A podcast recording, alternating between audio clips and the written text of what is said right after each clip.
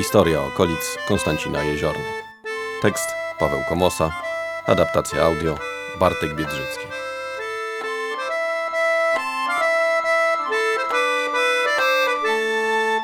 Kapliczka w Moczydłowie.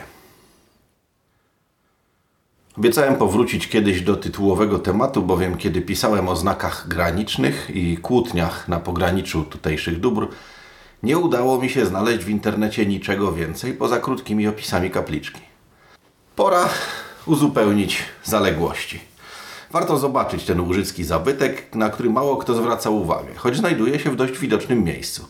We wsi Moczydłów, nieopodal Góry Kalwarii, tuż przy znajdującym się tam przystanku autobusowym linii 742 i drodze prowadzącej w kierunku Konstancina, odnajdziemy jedną z najstarszych kapliczek w tych okolicach. Wzniesiono ją w XVIII wieku jako znak graniczny wskazujący granice ziem wsi Moczydłowa oraz Wólki Załęskiej, wówczas zwanej Wolą Załęską. Krzyże i kapliczki często stanowiły stałe punkty podczas rozdzielania majątków, wyznaczały także krańce wiosek. Kto ciekaw, może na ten temat poczytać na blogu. W pierwszej części wpisu o sporach granicznych na tutejszych ziemiach Pogranicze w ogniu. Moczydłowska kapliczka jest chyba jedynym znakiem granicznym, który przetrwał do naszych czasów, ale prawdopodobnie nie w miejscu pierwotnego ustawienia.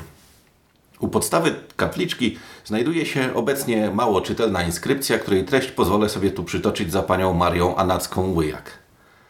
Węgielnik pod Baniochą, trzy kopce objawi, śród Wisły przeciw Gliennek, punkt granic postawi, linia od pierwszego prosto położona, gdy drugiego dociągnie, już rozgraniczona wola załęska od wsi Moczydłowa wcale.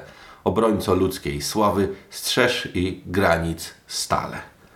Węgielnik to kopiec wyznaczający początek granicy między Moczydłowem a Wolą Załęską pod wsią Baniocha, od którego linia prosta biegła aż do kopca granicznego znajdującego się na kępie wiślanej między dwiema odnogami Wisły na wysokości wsi Glinki.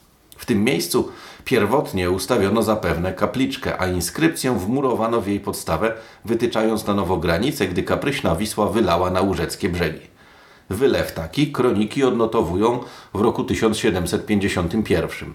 I zapewne wtedy rzeka zmieniła nieco koryto, bowiem stare, opuszczone łożysko w tym rejonie znajduje się na pruskich planach z lat 1795-1809.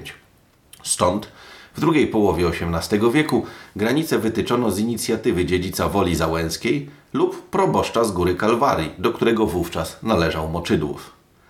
Nie dowiemy się już nigdy, z jakiego powodu kapliczkę ustawiono na wysokiej skarpie wiślanej, choć być może przeniesiono tam samą inskrypcję, wmurowując ją w inną kapliczkę pochodzącą z XVIII wieku. Jednakże oglądając ją, warto sobie uświadomić, iż jej historia zawiera w sobie dzieje typowe dla Łóżecza, związane z powodzią i wylewem Wisły, które zmieniły bieg rzeki.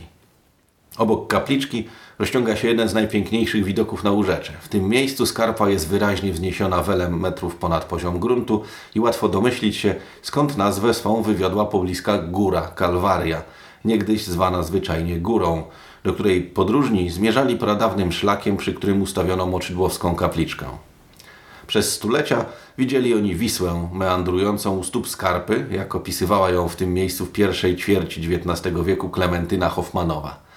Kraj zaś wcale piękny, wesoły, drzew wiele, a wspaniała Wisła jakby i grając i drążąc się to się chowa, to się pokazuje. Jadąc tędy, minęła właśnie kapliczkę w Moczydłowie. Wisła odsunęła się od skarpy, oddając lot pod uprawę już w połowie XIX wieku. Od lat dwudziestych trwała w tym miejscu budowa wałów, a prace prowadzone przez Komitet Nadzoru Budowy Wałów Niziny Moczydłowskiej trwały przez pół wieku, gdy sypano wały w kierunku Warszawy. Gdy tuż przed wybuchem powstania styczniowego usypano ostatnie odcinki we wsiach Siekierki i Czerniaków, lewy brzeg został zabezpieczony od wylewów, umożliwiając tu uprawianie warzyw i owoców sprzedawanych następnie w Otwocku czy Karczewie, gdzie ich smak po dziś dzień wspominany jest przez starszych mieszkańców tych miejscowości. Na odcinku od Woli Załęskiej duże zasługi w sypaniu wałów położył członek komitetu w postaci Kaspra Potulickiego, właściciela Dubroworskich, nie szczędzącego wysiłku we wspomaganiu budowy wałów w tym miejscu, mimo iż obowiązek taki ciążył na dziedziczących tu Wernerach i Marchwickich z Brzeźc i Kawęczyna. Kiedy już nasycimy oczy widokiem Łóżecza, warto zauważyć, iż kapliczka stoi na kopcu – Tradycja wiąże to miejsce z pochówkiem żołnierzy z I wojny światowej, choć znajduje się on po drugiej stronie szosy. Co ciekawe, opowieść ta pojawiła się w ostatnim półwieczu i nałożyła na wcześniejszą, gdyż na początku XX wieku mówiono, iż znajduje się tu miejsce pochówku powstańców styczniowych, na których grobie ustawiona jest kapliczka. Jednakże, jak wiemy, jest dużo starsza. Z kapliczką wiąże się jeszcze inna historia. Ponoć w pierwszych miesiącach wojny zmarł tu żydowski wysłannik z getta w jeziornie o nazwisku Motyl. Na polecenie starszyzny przekradał się do góry Kalwarii, by ustalić, jaki los spotkał tamtejszego sławnego cadyka, a także dowiedzieć się, czy prawdą jest, iż getto w jeziornie ma zostać wkrótce zlikwidowane. Zmarł u stóp kapliczki wskutek ran zadanych przez głodne psy, a ciało znaleziono po kilku dniach. Sołtys Moczydłowa pochował je w lesie nieopodal grobu żołnierzy. Grób żołnierzy, jak wspomniano, znaleźć można na wprost kapliczki, po przekroczeniu drogi. Jest ona śladem bitwy na Pierścieniu Warszawskim, która rozegrała się jesienią 1914 roku, gdy przez tę ziemię przebiegła linia frontu.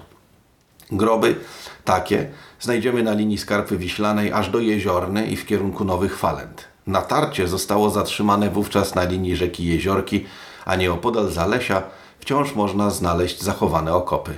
O bitwie tej można poczytać w artykule Zapomniana bitwa.